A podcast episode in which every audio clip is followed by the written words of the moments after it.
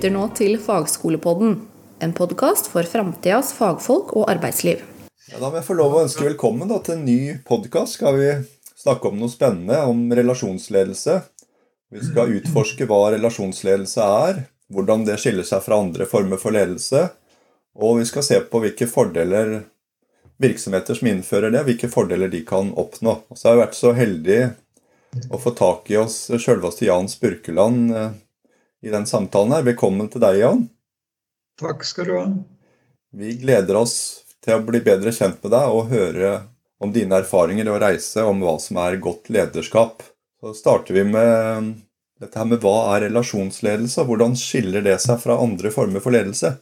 Ja, Svaret på det er veldig langt. Jeg tror jeg har skrevet 2000 sider om det svaret. Men Jeg skal prøve å fatte meg i korthet og si at eh, det er først og fremst kontakt og nærhet mellom leder og medarbeider. Det er hovedideen. Men det er også det å, at ledere trenger naturlig autoritet som en oppnår gjennom en relasjon som er positiv. Og Hvis ikke du har naturlig autoritet gjennom relasjonen din, så må du bruke kunstig autoritet. Og det er å ta styring og kommando over folk. Det er gammeldags tenkning, det er slavetenkning. Mens relasjoner betyr at vi har nærhet og kontakt og likeverdighet og tillit mellom mennesker. Og tillit er jo bærebjelken i en relasjon. Altså må vi vite hvordan tillit oppstår mellom mennesker. Jeg har ofte blitt spurt om hva tillit egentlig er, og det er vanskelig å forklare det. Jeg har drøfta det med folk som er professor i, i psykologi, og Geir Kaufmann nærmere bestemt, og han klarte heller ikke å definere tillit. Men det er en, i alle fall en positiv følelse som oppstår mellom to mennesker som har grunn til å stole på hverandre. Og da kan jeg si at Denne positive følelsen som er grunnlaget av bærebjelken i en relasjon, er viktig å vite hvordan den kommer ut mellom mennesker i form av en relasjon som blir eh, viktig å jobbe med og jobbe gjennom. Så Nei, Det er spennende å begynne å jobbe med relasjon. Det har aldri vært ordentlig beskrevet i noe litteratur, så vidt jeg kan se. Heller ikke i psykologien. Jeg fant jo ut når jeg begynte å skrive på slutten av 90-tallet, at når jeg jobba i et rent psykologmiljø, at psykologer ikke hadde tilstrekkelig med ordforråd og vokabular og faguttrykk på, på disse relasjonelle fenomenene. Og et av de første tingene jeg konstruerte, var begrepet relasjonelt initiativ. Og relasjonelt initiativ er et menneskes evne til å etablere en kontakt med sikte på å bygge en relasjon. Eh, og det er ganske spennende, bare det begrepet der. Så har det blitt mange begreper utgjennom i bøkene mine. Kanskje jeg har 100 ulike faguttrykk som jeg har konstruert mens jeg har skrevet.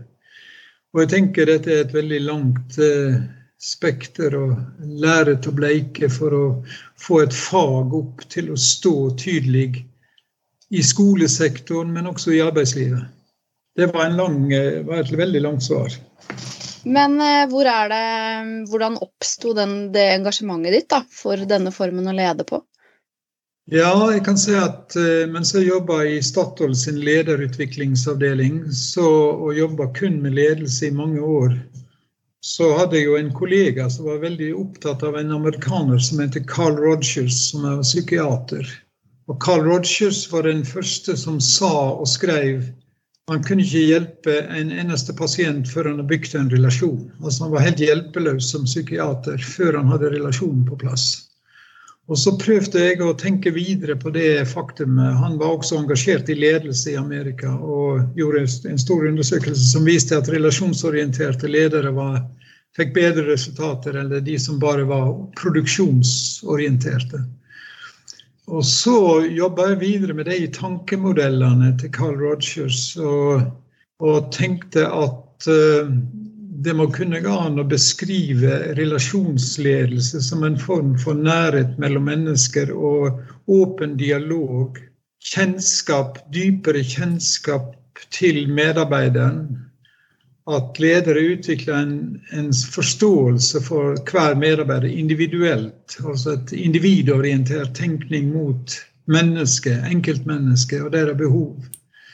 Gjennom eh, dialogferdigheter og dialogkunnskaper og komme såpass nært folk at du kan være til, til hjelp for, for enkeltmennesket. og F.eks. berge de fra sykefravær når de er på randen av å, å ha et eller annet, en utfordring med helsa si.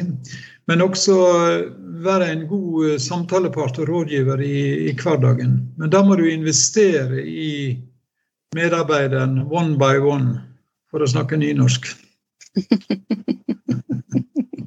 Hvilke fordeler er det bedrifter kan oppleve når de innfører en relasjonsorientert ledelsesfilosofi? Ja, jeg har prøvd og jeg har nå jobbet med mange bedrifter i, eh, med relasjonsorientert ledelse. og jeg tenker det, Kanskje det aller nærmeste kom effekten av det, var når vi jobba med å senke sykefraværet i en helseavdeling i en stor by. Um, og de som, var, de som gikk inn i dette på alvor, de lederne Jeg hadde vel en 45 ledere til, på kurs i en del dager. Og De som var flinkeste med det, klarte faktisk å senke sykefraværet betraktelig. Altså halvere sykefraværet ved å være relasjonsorientert, individorientert, menneskeorientert. I stedet for å bare administrere. Og jeg skiller veldig sterkt mellom å administrere folk og lede folk. Det er to vidt forskjellige ting. Mm. Så jeg har jo prøvd å si at eh, jeg vil fjerne distansen. Jeg vil oppnå nærhet, profesjonell nærhet mellom mennesker som skal jobbe sammen. Mm. De fleste som går inn i ledelse, går inn med en administrativ tenkning. I stedet for å gå inn med en psykologisk, relasjonell tenkning om eh, at dette handler om mennesker, ikke om økonomi og ikke om strategi men om å håndtere mennesker sånn at de har lyst til å komme på jobb. Når det gjelder eh, konflikter og samarbeid på arbeidsplassen, hvordan eh, kan relasjonsledelse bidra til å redusere konflikter og forbedre samarbeid? Jeg tenker jo at forebyggende relasjoner er Relasjonsarbeid er alltid forebyggende, så du får mindre konflikter. Og hvis du får konflikter, så må en jo ha beredskap på og det er jo en del av det jeg har jobba med i relasjonskompetanse. Det å beskrive hvordan du håndterer en konflikt relasjonelt. Eh, det er mange kanskje tradisjonelle metoder på konflikthåndtering som er passa inn i relasjonsledelse. Men, men, eh, det er også en spesiell eh, metode som jeg har anvendt i noen få tilfeller mens jeg var i oljeindustrien. Bl.a. dette med å re starte en relasjon. Prøve å bearbeide fortida, legge henne bak seg og gå inn i restarting av en relasjon som er blitt betent og vanskelig og konfliktfylt. Jeg kaller forresten konflikter for relasjonelle kriser. Jeg, har, jeg tror faktisk mer på et nytt begrep. for Konflikter er så belasta i, i seg sjøl som begrep at jeg tror at en relasjonell krise er et bedre uttrykk i mange sammenhenger. Bare si at vi må begynne å se på den relasjonelle krisen og hvordan vi kan komme ut av den. Og når det gjelder å restarte en relasjon, så er ikke det bare enkelt, men det er den mest avanserte metoden jeg har vært borti. Eh, der jeg eh, går inn og prøver å endre partene sine mentale bilder av hverandre. Eh, sånn at de går ut igjen med fornya og bedre, mer positive bilder av hverandre etter å ha vært igjennom en seanse med restarting av eh, det relasjonelle, mentale bildet. Så det, det er spennende. Og jeg syns jo at konflikthåndtering har vært altfor eh, strukturert og systematisk ofte, i stedet for å se på den, den emosjonelle prosessen folk må igjennom. Eh, helt ifra å beskrive fortida til å beskrive framtida. Så det, et, eh, det, blir et langt svar, Elise, på et kort spørsmål. ja, ja, ja. Vi snakker litt om det her å forstå, forstå folk. da, Hvordan er det en leder kan utvikle dyp forståelse for de behov og ønskene som medarbeiderne har? Ja, det er et godt spørsmål og et veldig stort svar, kanskje. Men eh, Jeg tenker jo at eh, jeg har utvikla et eh, hjelpemiddel som jeg kaller for de fem f-ene. Som er brukt nå veldig mye rundt i Norge, ser jeg i, i sporene etter meg. Og de fem f-ene er en grunnleggende forståelse av hvem folk er. De fem f-ene står for fagmenneske, familiemenneske, fritidsmenneske, fortidsmenneske og framtidsmenneske. De fem f-ene. Og hvis en er grundig eh, interessert i et menneske og viser genuin menneskeinteresse og får greie på disse fem f-ene i et annet menneske, så har du forutsetninger for å forstå deres behov og deres eh, spesielle roman eller historie eller reise. Jeg tror at ledere skal sette seg inn i folks reise i livet sitt helt ifra de var små og fram til de møter de som medarbeidere, slik at de kan være fornuftige samtalepartnere. Altså Vi har for tynt grunnlag ofte for å snakke med folk i en vanlig medarbeidersamtale eller i en dialog. Men har du fått rede på hele reisa gjennom personens egen fortelling, så står du mye sterkere i å snakke med dem om deres behov og, og deres grunnlag for å yte det beste. Så jeg har veldig sans for dialogen som verktøy mellom mennesker, og at den må utvikles til eh, noe som gir eh, resultater både for medarbeider og leder. Og denne tradisjonelle medarbeidersamtalen som vi har innført i Norge, også etter, etter eh, opplegget fra utenlandske selskap. Det var jo i oljesektoren vi innførte medarbeidersamtalen etter mønster fra andre oljeselskap. Og jeg må si jeg var med på den prosessen på 80-tallet, og jeg angrer på hele greia. For at vi gjorde mye feil. Vi kopierte utenlandske oljeselskap sine medarbeidersamtaler. Nå ser jeg eh, nå ser jeg faktisk kopier av det i alle kommuner overalt i samfunnet vårt. Og det er en lang liste med rare spørsmål. Eh, som er mer eller mindre viktig. Det som er viktig i en medarbeidersamtale, er å fokusere på hele mennesket og så er det å fokusere på jobbdelen av et menneske, og så er det å fokusere på kompetansen for et menneske, behovene for kompetanse, og så er det å fokusere på hva framtida skal innebære, og, eh, og, så er det å fokusere på tilbakemelding, gjensidig tilbakemelding begge veier. Da kan det bli en fornuftig samtale. Så jeg har eh, operert nå med fire stasjoner i en medarbeidersamtale. Eh, og at den får kvalitet gjennom nærhet og dybde, og ikke sånne overfladiske, rare spørsmål fra et skjema. Jeg har kasta ganske mye i bosskorgen etter hvert. New Public Management kan en ofte forveksle med kontrollledelse. Eh, dette med å kontrollere at folk gjør det de skal gjøre. Men litt av det samme var det jo med målstyrt ledelse også, som er på en måte Iallfall en veldig negativ tolkning av det, er å kontrollere folk gjennom mål.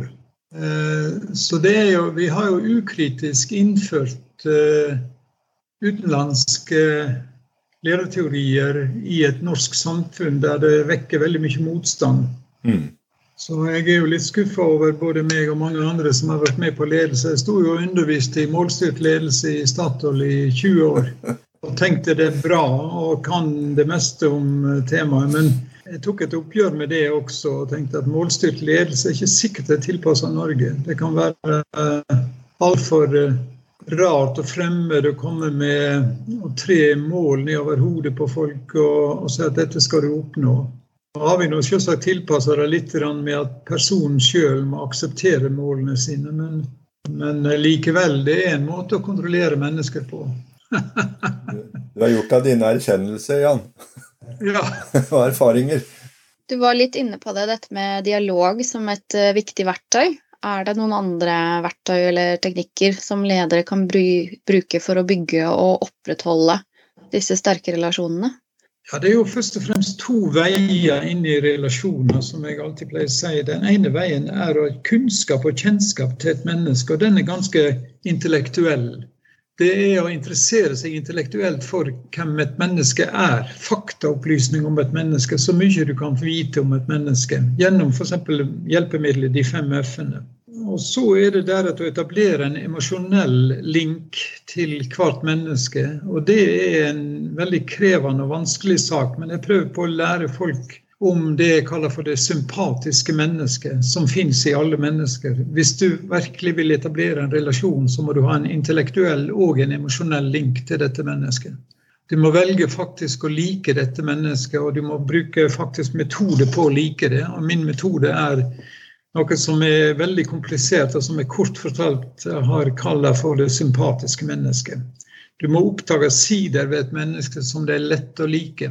Eh, og Jeg sier det samme til lærere som begynner med små barn eller ungdommer i, i videregående skole. Du må lære deg til å like disse ungdommene for å få til en relasjon. Og Da må du bruke både ferdigheter, teknikk og din eh, ja, investering i emosjoner så, såpass at de merker det. Så det er, det er ikke enkelt sagt i en sånn kort vending, men jeg prøver på å trene folk i både den eh, intellektuelle og den emosjonelle tilnærmingen til å bygge en relasjon.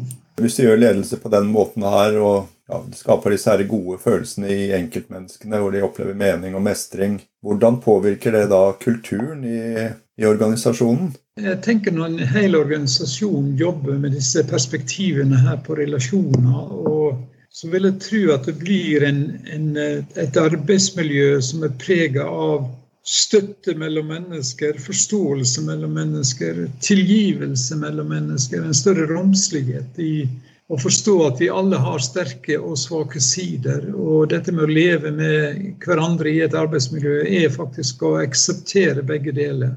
Like det som er lett å like, og til dels dempe det som er vanskelig å like. Det, er, eh, det vil påvirke arbeidsmiljøet og kulturen. slik at hvis vi får oppnår en relasjonell kultur, noe som jeg har opplevd f.eks. på folk som jobber i, med ledelse av sykehjem, at de kan få til en relasjonell kultur som er preget av gjensidig støtte og forståelse. Og dermed så demper en også konflikter og hindrer en del av det dårlige arbeidsmiljøet som kan oppstå mellom mennesker. Hvis, du, hvis f.eks. en satser på at folk lar kjemien bestemme hvordan relasjonen skal lande, så kan det bli veldig rart. Det kan bli tilfeldig, det kan bli negativt. Eh, vi har ofte trodd på at eh, naturen og kjemien ordner ting mellom mennesker, men det er ganske amatørmessig å tenke slik. Vi må bearbeide relasjonene slik at kjemien ikke får sjanse til å operere negativt. Men når det gjelder dette med innovasjon og kreativitet, da. Eh, hvordan kan relasjonsledelse bidra til å fremme det her på en arbeidsplass? Ja, for det første har jeg jo satt opp eh, kreativitet som en eh, relasjonell kompetanse, fordi at det utfordrer forholdet mellom mennesker når vi skaper noe sammen. Samskaping er et viktig begrep innenfor relasjonstenkning. for Når vi skaper noe sammen, så knytter vi også relasjoner. Eh, så kreativitet er veldig lett å forene med relasjonsutvikling. fordi at mennesker i et miljø som eh, er innovative og kreative, de vil også utvikle relasjoner seg imellom. Pga. denne her aktiviteten med å skape noe sammen. Så det tror jeg er, det er veldig lett å assosiere det med, med relasjonstenkning. Hvordan er det du kan se at du lykkes når du er en relasjonsorientert leder? Hva er det det betyr å lykkes da? Jeg tenker at en leder som lykkes i forhold til ledelse eh, ved bruk av relasjoner, får et større tilfredshet sjøl. Du får en større A-faktor, som jeg kaller for aksept for ledelse. Du blir akseptert i større grad enn folk som ikke bygger på relasjoner. A-faktoren i ledelse, som jeg har skrevet nokså mye om, er i hva grad blir en leder akseptert. Og jeg tror svaret på det er i Og det fører også til en form for tilfredshet eller lykkefølelse hos en, hos en leder som merker at menneskene aksepterer han eller hun, eh, slik at det er lett å gå på jobb, lett å være sammen med folk. Eh, og det er ikke å please folk nødvendigvis, men det er mer å være ærlig. Jeg tror ærlighet er et sentralt ord i dette her, med at du kan bli en lykkelig leder ved å være ærlig både på positive ting, men også på å skjære igjennom og fortelle om det som er uakseptabelt. Altså være, vise det jeg kaller for relasjonelt mot, og ta opp vanskelige ting. Ta opp vanskelige spørsmål, ta opp vanskelige saker, gå inn i konflikter og vanskelige samtaler gjennom å vise relasjonelt mot, og ikke gå forbi det, men gå inn i det. Så jeg tenker at uh, å bli sånn heil ved i, i, ledelse er et spørsmål om å møte mennesker uh, i medvind og motvind. Og bli akseptert for at du gjør ditt beste. Jeg husker en leder i Hydro som jeg møtte en gang på Karmøy fabrikker. Og jeg husker en leder i Statoil som jeg møtte på Sandsli i Bergen, som begge hadde mye av dette i seg med relasjonsorientert tenkning. Og de ble veldig sterkt akseptert og følte seg veldig vellykka som ledere fordi at de håndterte mennesker på en god måte. Og sånn helt eh, avslutningsvis, da, hva er det liksom Hva er de viktigste egenskapene og ferdighetene som en god relasjonsorientert leder bør ha? Det første jeg vil si, er jo genuin menneskeinteresse. Du må bestå en test på genuin menneskeinteresse. Jeg skulle likt å ha den testen klar, men jeg tenker alltid på å utvikle en test ved inngangen til ledelse på at du har genuin menneskeinteresse med deg som grunnlag for å lede mennesker. Ikke bare lede økonomi og strategi og administrere, men at du skal også lede mennesker. Og så er det dette med ferdighetene i samtale, altså dialogferdigheter. Og så er det tilbakemeldingsferdigheter som er det aller tydeligste. Og så må du ikke være redd for å gå inn i motstandsarbeid, altså i konflikter og vanskelige samtaler. Så det er noe med at du har eh, denne ballasten i deg. Og så tenker jeg det jeg kaller for emosjonell modenhet. Jeg eh, tror det kanskje er helt sentralt i å, å lykkes i ledelse. Det og hvordan du håndterer følelser med emosjonell intelligens og emosjonell modenhet, som jeg kaller det, altså eh, empati og slike ting, er helt avgjørende viktig for å lykkes som leder. Så lenge du skal ha med mennesker å gjøre, så må du ha liksom disse tingene med deg eh, for å nærme deg folk, og for å forstå folk, og for at de skal akseptere deg. Du har nå hørt Fagskolepodden, produsert av Fagskolen Vestfold og Telemark.